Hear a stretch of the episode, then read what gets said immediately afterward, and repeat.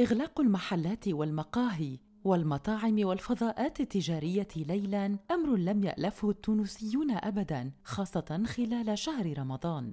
فالأمل كل الأمل كان أن تدور عجلة الاقتصاد ولو قليلا وتنتعش ميزانية أصحاب المحلات والمقاهي والعاملين فيها خلال هذا الشهر. ولكن كورونا شاءت أن يكون الأمر غير ذلك تماما.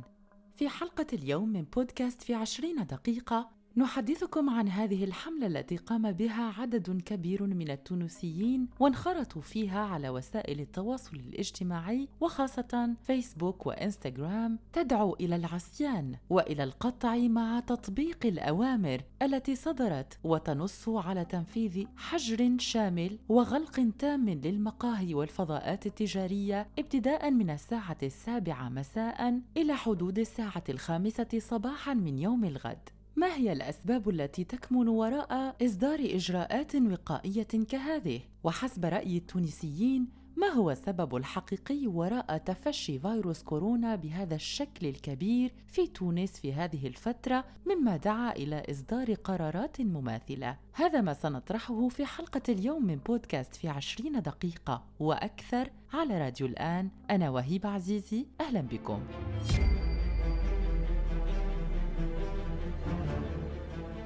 الوضع الوبائي في تونس شديد الخطورة. هذا ما جاء على لسان عدد كبير من أفراد اللجنة العلمية التي تعمل بشكل وطيد مع الحكومة التونسية لاتخاذ قرارات فيما يخص إجراءات الوقاية من تفشي فيروس كورونا خاصة في نسخته الجديدة التي أصبحت أكثر قوة وأكثر عنفا من تلك التي عهدناها في تونس وفي بلدان كثيرة حول العالم. ففيروس كورونا في حلته الجديدة في تونس قال الأطباء بأنه يمكن أن يكون الشخص مصابا به من دون أن يكشف تحليل PCR ذلك. اي يمكن أن يكون التحليل سلبيا ولكنك مصاب فعلا بهذه النسخة من فيروس كورونا.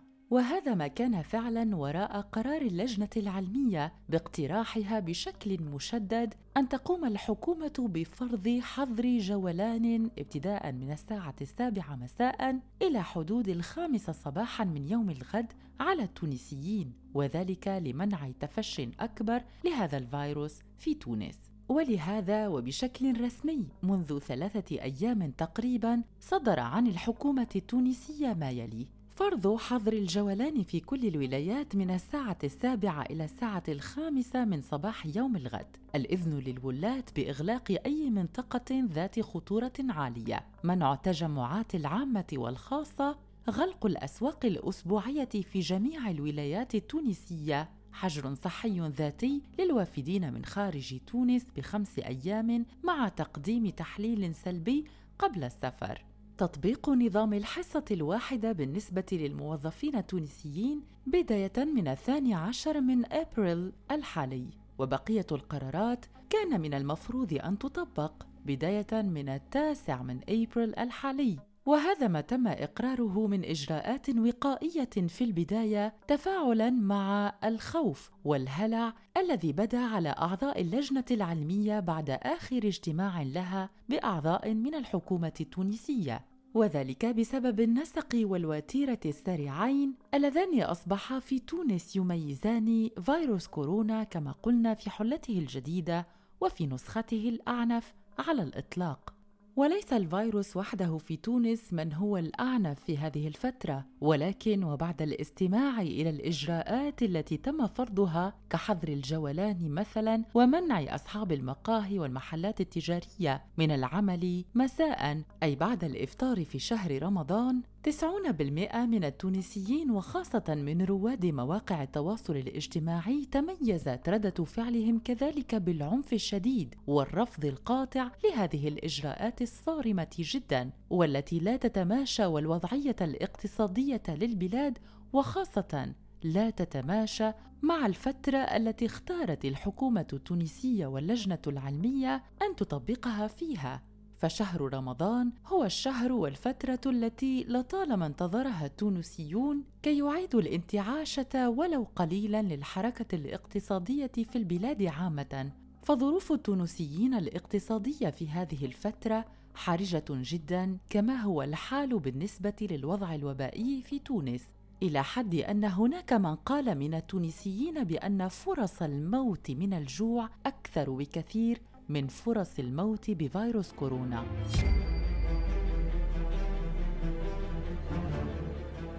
الحملة الفيسبوكية العظيمة التي أطلقت على مواقع التواصل الاجتماعي المختلفة والتي كانت بدايتها من الفيسبوك أطلق عليها التونسيون الاسم التالي: خلي الزوالي يوكل صغاره، يعني باللهجة العامية التونسية أو ما يقابلها من العربية: دع الفقير يطعم أبناءه.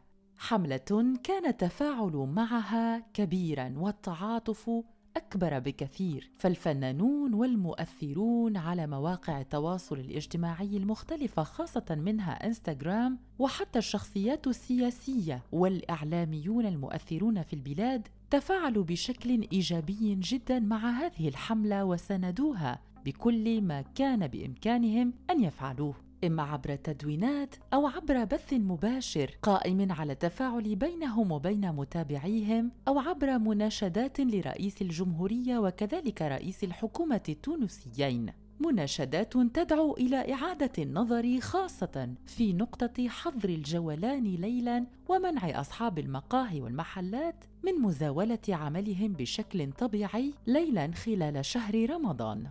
أما على أرض الواقع وفي الميدان فإن أصحاب المقاهي والمهن الحرة وهم يمثلون الفئة المتضررة من هذه القرارات والإجراءات الوقائية الشديدة قاموا يوم الجمعة الفارط بوقفة احتجاجية في شارع لحبي بورقيبة بالعاصمة التونسية وموقفهم كان كالآتي. أي واحد في القوم مش يتمس.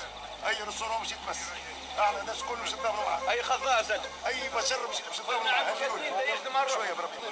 أنا ماشيين العصير المدني أنا مش نعملوا عصير مدني إحنا ناس اليه مؤخرين هذا على شيء تلمين هنا سياسة مع صحة. إحنا مش ضحيه إحنا اليوم رانا ناس داخلة الحبس. إحنا ناس اليوم فلس خدام اليوم خدامتك قدامك يبكي شو تبشر يسكروا أي قهوة الناس كلها تتلم هنا أنا موجودين العباد الكل. محترمين بعضنا ومحترمين ارواحنا رانا ماناش جينا نفكوا في أرزاق الناس ولا نخدم رانا عباد تحب تخدم على ارواحها عباد تحب توكل صناح على الخبز وتاكل هي الخبز؟ اتحاد الصناعه والتجاره ونظمه قائمة وموجودة. وأنتم يا يا جماعة القهاوي إحنا باعتبارنا مجتمع مدني. مارسوا العصيان ووكلوا صغاركم. واخدموا على ارواحكم السياسة هذه سياسة تجويع وسياسة تفقير وممنهجة ما هيش قرارات ارتجالية.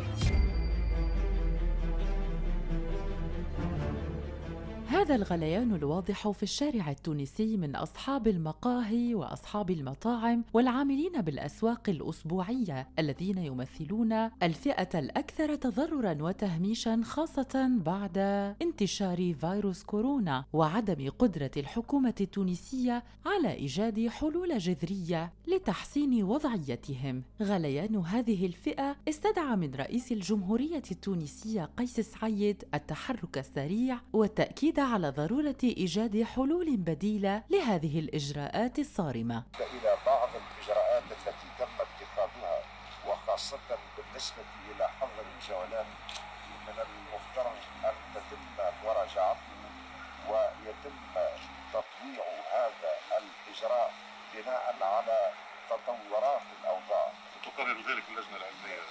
هو لا اللجنة العلمية تقترح والقرار هو قرار سياسي. ويذكر هنا أن رئيس الدولة التونسية الرئيس قيس سعيد كان قد استعرض صباح الجمعة الفارط مع رئيس الحكومة هشام المشيشي وذلك على هامش موكب إحياء الذكرى الثالثه والثمانين لعيد الشهداء الإجراءات التي تم الإعلان عنها مساء الأربعاء وخاصة منها حظر الجولان في شهر رمضان المعظم. وقد دعا الرئيس قيس سعيد حرفيا إلى الأخذ بعين الاعتبار مقترحات اللجنة العلمية ولكن أيضا مهم جدا أخذ الجوانب المتعلقة بالوضع الاقتصادي والاجتماعي هي كذلك بعين الاعتبار وشدد على ضرورة وضع كل الاعتبارات في الميزان واتخاذ الإجراءات المناسبة مع الإبقاء على إمكانية مراجعتها في الجهات جهة بجهة حسب تطور الوضع الوبائي فيها. الرئيس قيس سعيد والتونسيون من رواد مواقع التواصل الاجتماعي لم يكونوا هم الوحيدين الذين عارضوا تطبيق هذه الإجراءات الصارمة خلال شهر رمضان. ولكن عددا كبيرا من الجمعيات والمنظمات دعت هي الأخرى وبإلحاح شديد إلى إلغاء قرار حظر الجولان الذي أقرته الهيئة الوطنية لمجابهة فيروس كورونا وذلك من الساعة السابعة مساء إلى الخامسة من صباح الغد.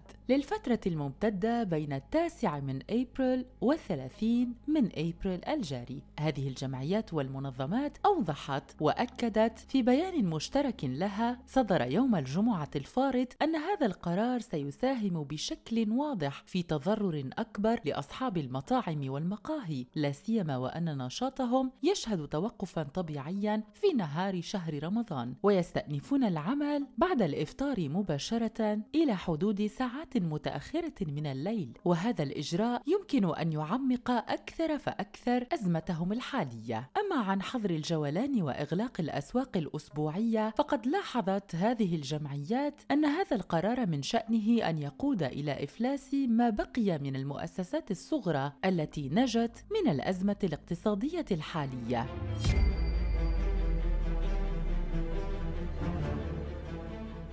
الأزمة الاقتصادية التونسية التي تشهد تعمقا يوما بعد آخر تواجهها الحكومة بحلول يرى التونسيون بأنها غير مجدية. وآخرها ما اقترحه هشام المشيشي رئيس الحكومة التونسية عبر استحداث صندوق لجمع التبرعات لتمكين العائلات الأكثر تضررا من فيروس كورونا من إعانات مختلفة. وقد جاء هذا في تصريح لرئيس الحكومة التونسي هشام المشيشي عقب إشرافه يوم السبت الفارط على ندوة الولاة وجلسة استثنائية مع أعضاء اللجنة العلمية لمكافحة فيروس كورونا. قال رئيس الحكومة بأن ثلث القرض الذي ستتحصل عليه تونس من البنك الدولي بقيمة جملية تقدر ب 300 مليون دولار سيخصص لمساعدة الفئات الهشة والمتضررة من تداعيات فيروس كورونا المستجد خاصة تلك العائلات التي فقدت مورد رزقها أو فقد أفرادها وظائفهم. هشام المشيشي أعلن في تصريح مؤخرا عن تخصيص ما قيمته 100 مليون دولار لمساعدة الفئات الهشة وقال بأن الحكومة ستعرض الأسبوع المقبل على أنظار البرلمان مشروع قانون يتعلق بالموافقة على القرض المصادق عليه. مع العلم أن مجلس إدارة البنك الدولي كان قد صادق يوم الأربعاء الواحد وثلاثين من مارس آذار لسنة 21 و2000 على منح تونس قرضا بقيمة 300 مليون دولار ما يعادل 840 مليون دينار تونسي وذلك لتمويل برنامج الحماية الاجتماعية والاستجابة العاجلة لحاجيات العائلات الفقيرة ومحدودة الدخل والتي زاد تضررها من تداعيات فيروس كورونا المستجد. والمساعدات التي ستنبثق عن هذا القرض سينتفع بها مليون وتسعمائة ألف عائلة تونسية وذلك حسب ما أفاد به الممثل الدائم للبنك الدولي في تونس توني فرهايغن في حوار سابق مع وسائل الإعلام التونسية. إلى جانب هذا أكد هشام المشيشي أنه سيعمل على استحداث صندوق لجمع التبرعات يشارك في جمع هذه التبرعات كل التونسيين القاطنين داخل تونس أو خارجها ولكن هذه الخطوة بالذات لم تلقى استحسانا من التونسيين بالمرة لأنهم سبق وأن شاركوا في تجربة مماثلة ولكنهم لم يلمسوا استخدام الأموال التي تبرعوا بها على أرض الواقع. فبعد أن جمعت كل التبرعات التبرعات لم تكن هناك شفافية في التعامل مع هذه التبرعات بتحويلها إلى مساعدات واضحة أو باقتناء معدات طبية من خلالها أو توفير أسرة للأشخاص الذين يجب إنعاشهم خاصة بعد أن ضرب فيروس كورونا تونس. وبالعودة إلى نفس الإطار ومن جهته أعلن وزير الاقتصاد والمالية التونسي ودعم الاستثمار علي الكعلي أن رئيس الحكومة كان قد أذن مسبقا بأن يكون أعضاء الحكومة أول المتبرعين وذلك من جراية شهر أبريل الحالي بنسبة 50% لفائدة صندوق التضامن الذي سيحدث في القريب. وأضاف أن الظرف الاقتصادي الراهن يعد صعبا جدا ويتطلب تضافر كل الجهود وتقديم الدعم اللازم للتونسيين وللمؤسسات خاصة منها الصغرى وأكد بأن الدولة ستكون ساهرة على القيام بواجبها في هذا الإطار. ووضح أن قرار الحكومة بتواصل العمل بالمؤسسات الاقتصادية خلال هذه الفترة يهدف إلى المحافظة على توازنها المالي وتوفير موارد الرزق المختلفة للعاملين بها. وهذا في ظل الظرف الاقتصادي والاجتماعي الدقيقين اللذان تمر بهما البلاد حاليا ومن جانبها أكدت الناطقة الرسمية باسم الحكومة حسناء بن سليمان أنه سيتم أسبوعيا تقييم هذه الإجراءات واتخاذ القرارات التي من شأنها أن تساهم في الحد من انتشار الوباء في كل مرحلة.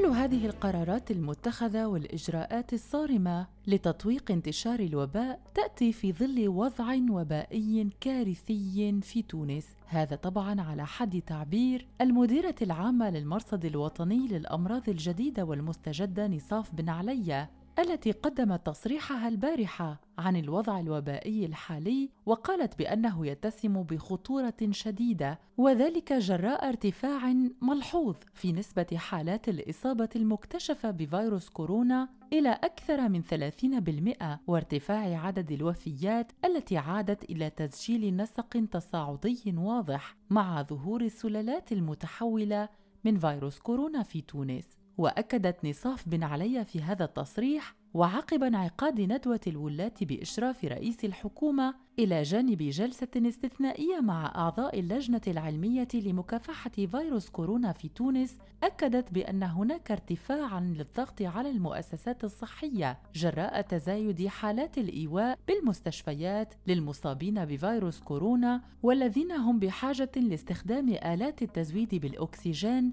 لإنقاذهم من موت محدق. فنسبة الإيواء في بعض الجهات وصلت إلى 100% على حد تعبير نصاف بن علي وأكدت المديرة العامة للمرصد الوطني للأمراض الجديدة والمستجدة بأنه من الضروري جدا احترام إجراءات التباعد الجسدي وارتداء الكمامات الواقية وغسل اليدين باستمرار واحترام البروتوكولات الصحية من أجل الحد من انتشار فيروس كورونا في حلته الجديدة والخطيرة. وتجدر الإشارة إلى أن هشام المشيشي رئيس الحكومة التونسية وعلى الرغم من التحذيرات المستمرة للجنة العلمية كان قد أعلن عن خفض ساعات حظر الجولان لتصبح بداية من البارحة السبت من العاشرة ليلا إلى غاية الخامسة صباحا من يوم الغد وذلك بناء على طلب من رئيس الجمهورية التونسية قيس سعيد كما سمعتم قبل قليل على لسانه. كما شدد المشيشي على على ضرورة عدم التجمع في الأماكن المغلقة وارتداء الكمامات محذرا من أنه سيتم تطبيق القانون وبشدة على كل من يخالف الإجراءات التي تم الإعلان عنها. تونس تعيش حاليا أصعب فتراتها فالفيروس يطوقها من ناحية والأزمة الاقتصادية وتعمقها والشلل الكبير في الاقتصاد التونسي من ناحية أخرى. وأما التداين المستمر للخروج أو لمحاولة الخروج من عنق الزجاجة أصبح في المرحلة الراهنة خطيرا على البلاد. لذلك فإن كل خطوة تداين من البنك الدولي ليست بمحمودة ولا يواجهها التونسيون إلا بالرفض وذلك لاقتناع منهم بأن كمية الديون التي تقع على كاهل البلاد لا يمكنها أن تكون الحل للخروج من الأزمة ولكن قرارات مماثلة للحصول على أموال من مصادر خارجية لا يمكنها إلا إغراق البلاد أكثر فأكثر في دوامة تدعى التداين الخارجي. لن يتسنى لها فيما بعد إمكانية الخروج منها بسهولة حتى وإن أمضى التونسيون حياتهم في العمل بتفان شديد فالأموال التي لا تستخدم في خلق الثروة والتي تستخدم فقط لمجابهة المصاريف لا يمكنها أن تحقق نموا اقتصاديا وبالتالي فإن التبعية ستستمر. مما سيضر أكثر فأكثر بالاقتصاد التونسي. ما رأيكم أنتم مستمعين فيما وصلت إليه حالة البلاد التونسية خاصة بعد تفشي فيروس كورونا الشديد فيها؟ هل ترون بأن هناك حلولا أخرى يمكن أن تعتمدها الحكومة التونسية لمجابهة هذه الوضعية أم أن هذه القرارات هي المثلى في وضعيات مشابهة. ننتظر تعاليقكم وآراءكم فيما يخص محتوى حلقة اليوم من بودكاست في عشرين دقيقة والتي تحدثنا فيها عن الوضع الصحي الحرج الذي جعل الاقتصاد التونسي يهترئ بشكل واضح إلى جانب طرحنا لمواقف الأطراف المختلفة من رئيس الجمهورية قيس سعيد إلى رئيس الحكومة التونسية هشام المشيشي إلى أعضاء مختلفين من لجنة مكافحة فيروس كورونا في تونس لعل أهمهم نصاف بن علي الناطقة الرسمية باسم وزارة الصحة التونسية. نشكر لكم متابعتكم مستمعين لحلقة اليوم ونرجو لقاءكم في حلقات قادمة من بودكاست في عشرين دقيقة على راديو الآن. إلى اللقاء.